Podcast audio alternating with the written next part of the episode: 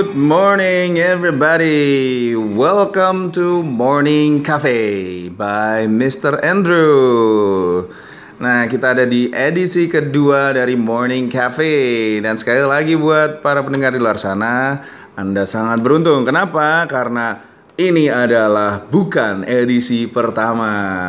Jadi edisi keduanya Morning Cafe. Nah, uh, siapa sih Mr. Andrew dan kenapa sih podcast ini dibikin? Nah, kalau buat pendengar di sana ada yang penasaran, dengerin dong yang edisi sebelumnya ya.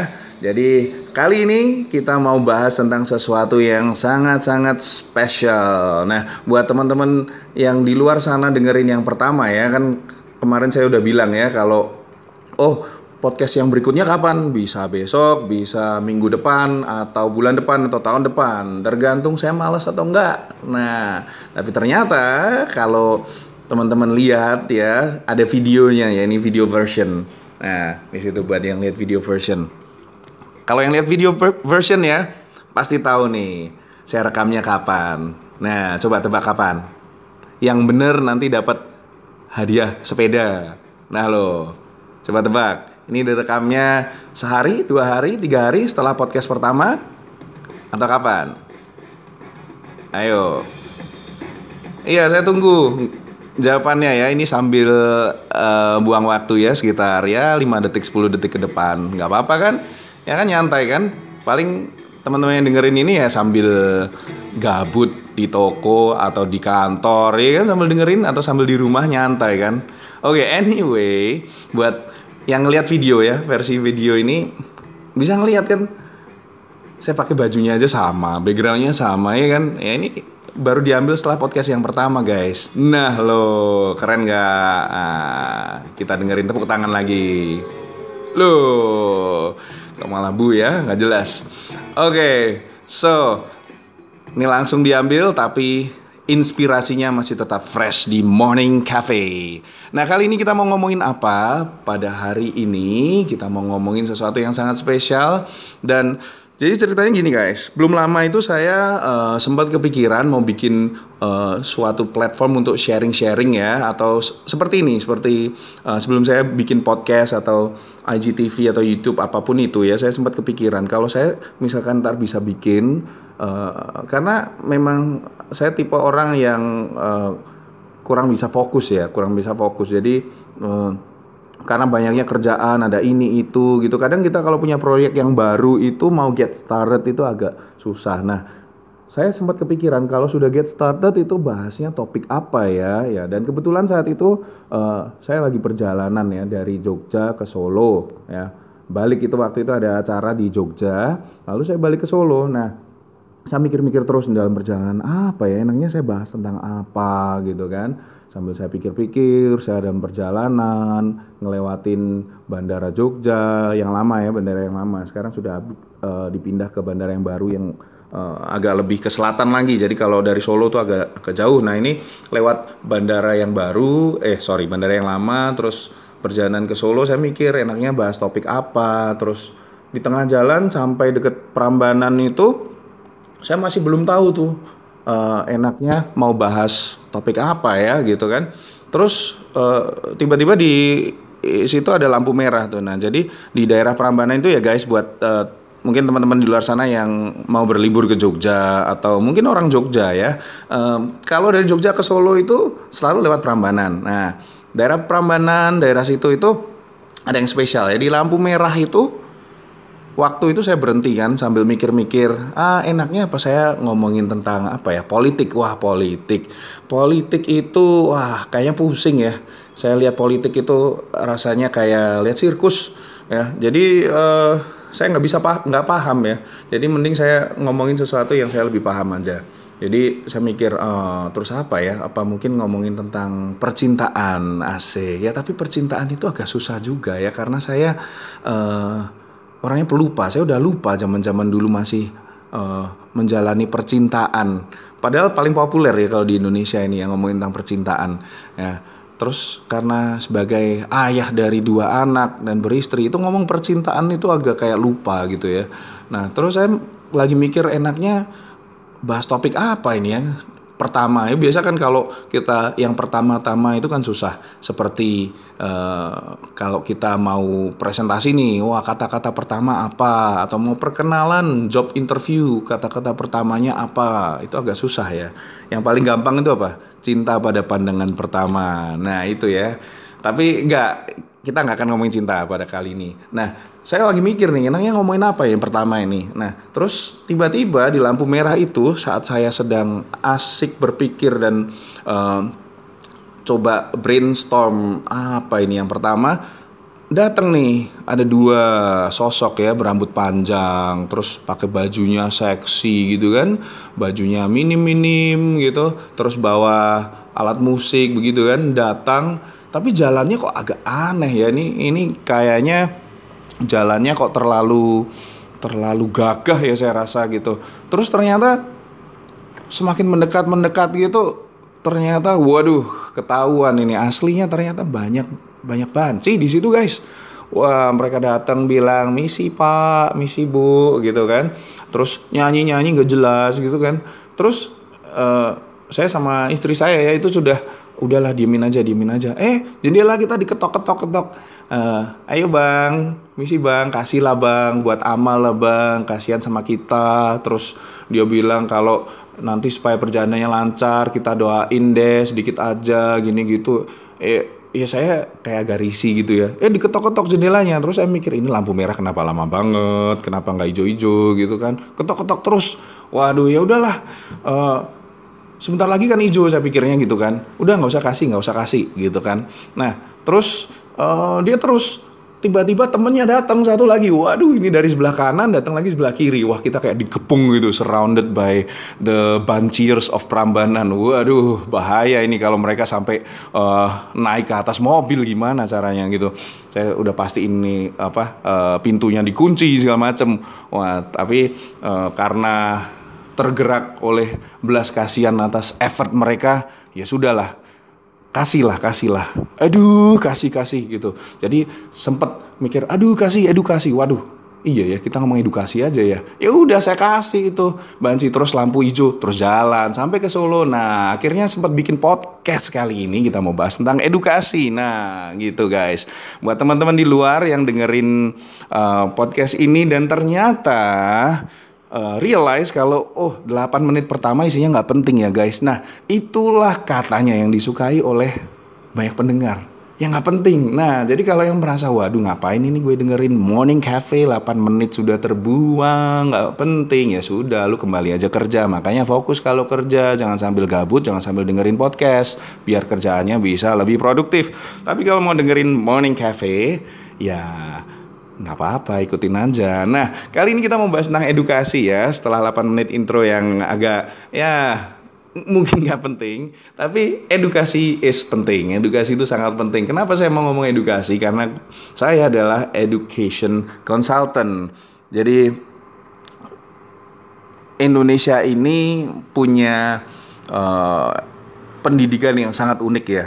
Kenapa sangat unik? Karena kalau kita lihat banyak sekali orang-orang Indonesia itu yang mencetak prestasi di luar negeri, dapat beasiswa, menang lomba olimpiade ini itu segala macam.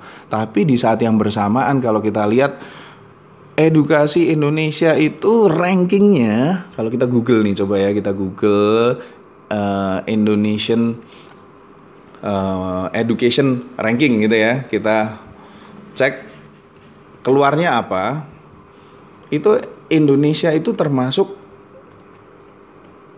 one of ya kita coba ya ini Indonesian Education Ranking ini kalau di Google ini ada uh, tulisannya Indonesia's PISA Results PISA ya PISA Results Nah, itu yang pertama ya. PISA itu apa? Saya tahunya ya uh, pizza yang toppingnya ini apa meat lovers lah, yang extra cheese lah. Tapi di sini nah ini PISA 2015 report itu nah ini from 72 countries and economies reviewed every three years Indonesia ranks rank berapa?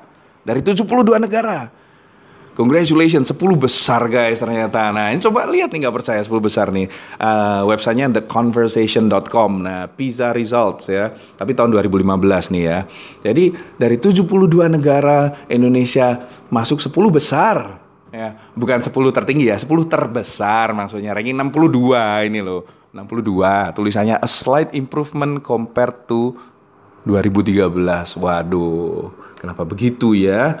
Jadi kalau di artikelnya ini tulisannya Indonesian students rank the second lowest in the 2013 PISA ranking.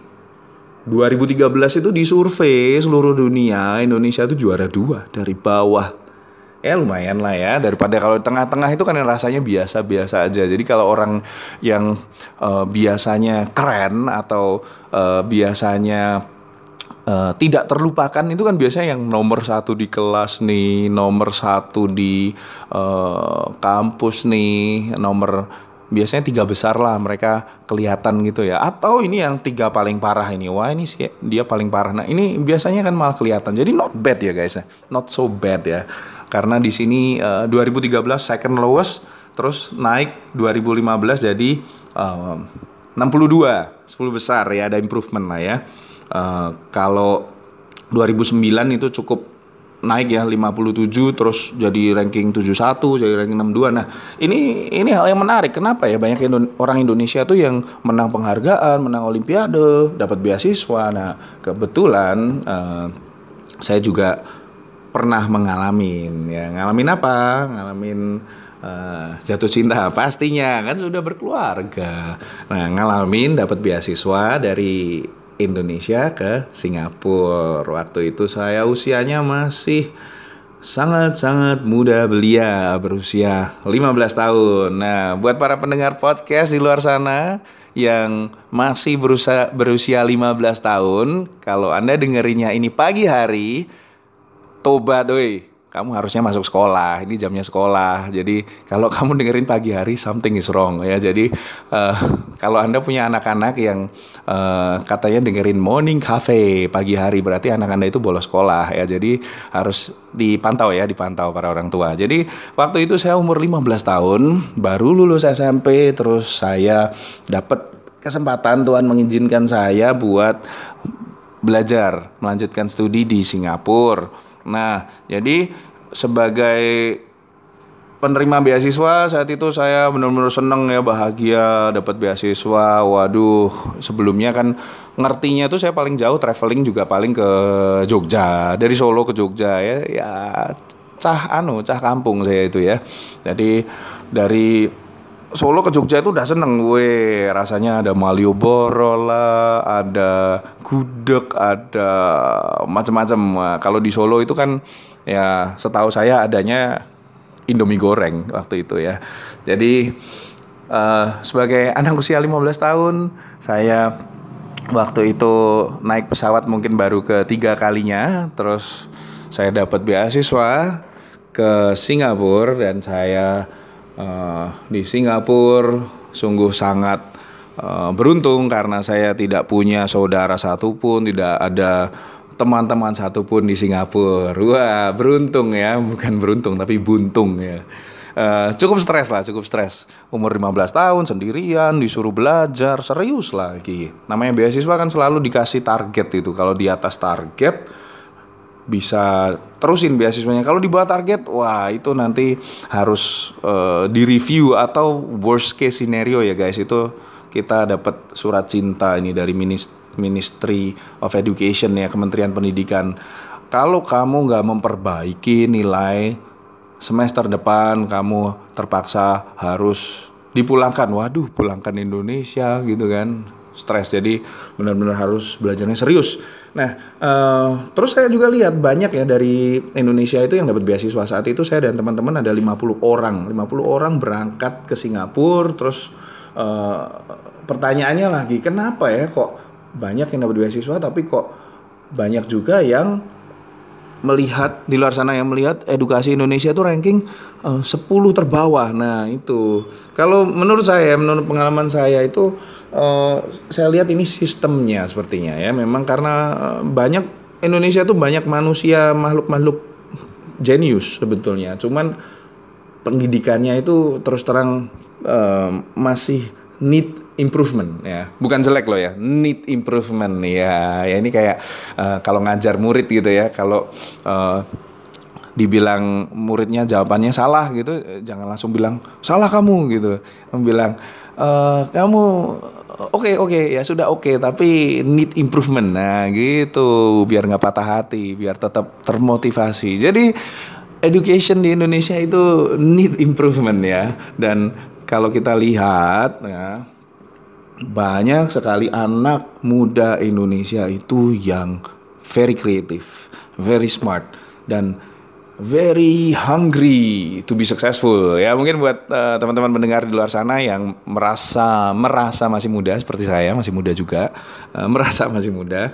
Nah itu uh, mungkin punya banyak ide ya punya banyak cita-cita uh, gitu. Tapi untuk mendapatkannya ini tentunya kan nggak mudah nah Uh, cara untuk mendapatkannya, prosesnya segala macam itu kalau kita lihat di Indonesia ini masih uh, jembatannya ini masih belum banyak, apalagi buat yang usia SD, SMP, SMA itu. Jadi mereka gimana mengembangkan bakatnya, mengembangkan talentanya itu masih sangat terbatas. Jadi makanya ini suatu hal yang uh, sebetulnya kita harus mau banyak belajar dari negara lain. Ya ibaratnya gini, kalau saya di rumah, di rumah ini gak ada yang pinter masak misalkan ya. Nah, kalau saya mau eh, belajar dari istri saya yang uh, mungkin gak jago masak atau malah belajar dari anak saya yang belum bisa jalan, ya saya nggak akan bisa maju, nggak akan bisa lebih pinter masak. Ya. Jadi caranya gimana ya? Saya lihat YouTube lah, saya cek uh, beli buku resep masakan. Saya belajar dari luar rumah ini. Jangan cuma muter-muter di rumah ini. Karena kita tahu satu rumah nggak bisa masak nggak jago-jago masak ya jangan memaksakan diri. Nah, jadi sama seperti pendidikan ini kita harus mau membuka membuka visi kita, membuka uh, ini pandangan kita ya ke luar Maksudnya apa? Ya kita belajar dari negara-negara lain gimana sih pendidikan mereka kok bisa lebih bagus, kok bisa seperti Vietnam nih. Vietnam nih keren ini. Jadi dalam beberapa tahun terakhir ini uh, ada suatu himbauan perjanjian ya. Itu di mana di negara-negara Asia Tenggara ini uh, mengalokasikan 20% dari APBN ya itu pendapatan negara untuk pendidikan. Nah, Eh, kalau kita perhatikan berita nih ya, sekitar satu minggu yang lalu, berapa hari yang lalu itu, Ibu Sri Mulyani, Menteri Keuangan kita saat ini juga sempat men-sharingkan tentang, oh edukasi ini sudah kita beri 20% APBN nih, tapi kok improvementnya uh, masih belum kelihatan. Sedangkan kalau kita lihat di Vietnam ya, itu 20% APBN digelontorkan, dan itu kelihatan banget pertumbuhannya perkembangannya. Sekarang ini mereka termasuk salah satu yang pertumbuhannya tercepat di negara Asia. Luar biasa nggak guys? Jadi kita harus banyak belajar nih dari teman kita yang Vietnam. Padahal kalau saya lihat ya teman-teman saya Vietnam itu wah bahasa Inggris aja kayak nggak jelas gitu ya. Mereka bahasanya docong ya, kayak gitu ya, kayak kayak ngomong Inggris aja. Uh, waktu saya di Singapura ya dapat beasiswa itu mereka yang dari Vietnam itu wah benar-benar nyalinya gede. Kenapa nyalinya gede? Karena Inggris mereka tuh parah parah habis. Tapi mereka berani loh uh, ke Singapura jalan-jalan terus berpetualang sendiri. Taunya cuma uh, excuse me uh, this this way this way uh, this way uh, mau ke mana pak? Gitu kan. Uh, cuma ngomong this way this way gitu. Jadi pakai bahasa Tarsan dan mereka satu sama lain itu wah ngomongnya nggak pernah sesama Viet, orang Vietnam ini ngomong bahasa Inggris ini saya jarang denger ya. Biasa mereka pakai bahasa bahasa dewa mereka lah gitu. Jadi uh, bener-bener nyalinya gede. Nah, sedangkan kita di Indonesia ini ya uh, banyak yang mau keluar negeri aja merasa waduh Inggris saya jelek. Aduh uh, saya minder lah nanti kesasar di Singapura gimana gitu kan. Banyak yang seperti itu. Nah, jangan jangan takut guys. Harus mau explore, mau mencoba hal-hal yang baru, belajar dari luar sana. Nah, jadi intinya adalah kita harus mau belajar, membuka mindset kita ke hal-hal yang baru, terutama yang dari luar sana. Kalau kita mau belajar tentang pendidikan, how to improve our education, ya start traveling around, googling around, search. Nah, saya suka dengerin ini apa TED Talk ya. TED ya. Jadi uh, itu keren-keren juga di situ tentang bahas tentang motivasi lah, tentang pendidikan. Nah, kalau kita dengan zaman internet sekarang mau uh, belajar dari negara lain pastinya akan bisa lebih baik. Nah, uh, kurang lebih seperti itu ya. Ini hanya introduction aja tentunya. Uh, we can talk a lot more about education tentunya karena itu adalah hal yang paling saya sukai ya, education. That's my passion. Nah, jadi saat ini karena kebetulan saya belum makan siang dan saya mau makan siang sebentar lagi. Jadi ya sudah sampai di sini dulu podcastnya. Kita lanjutkan lagi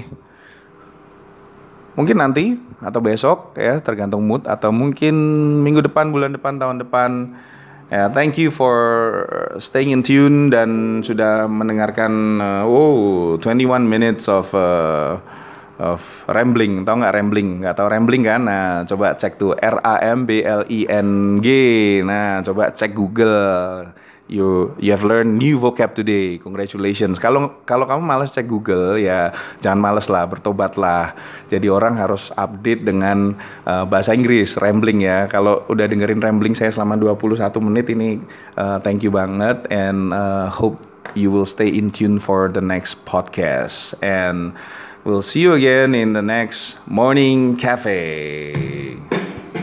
Bye.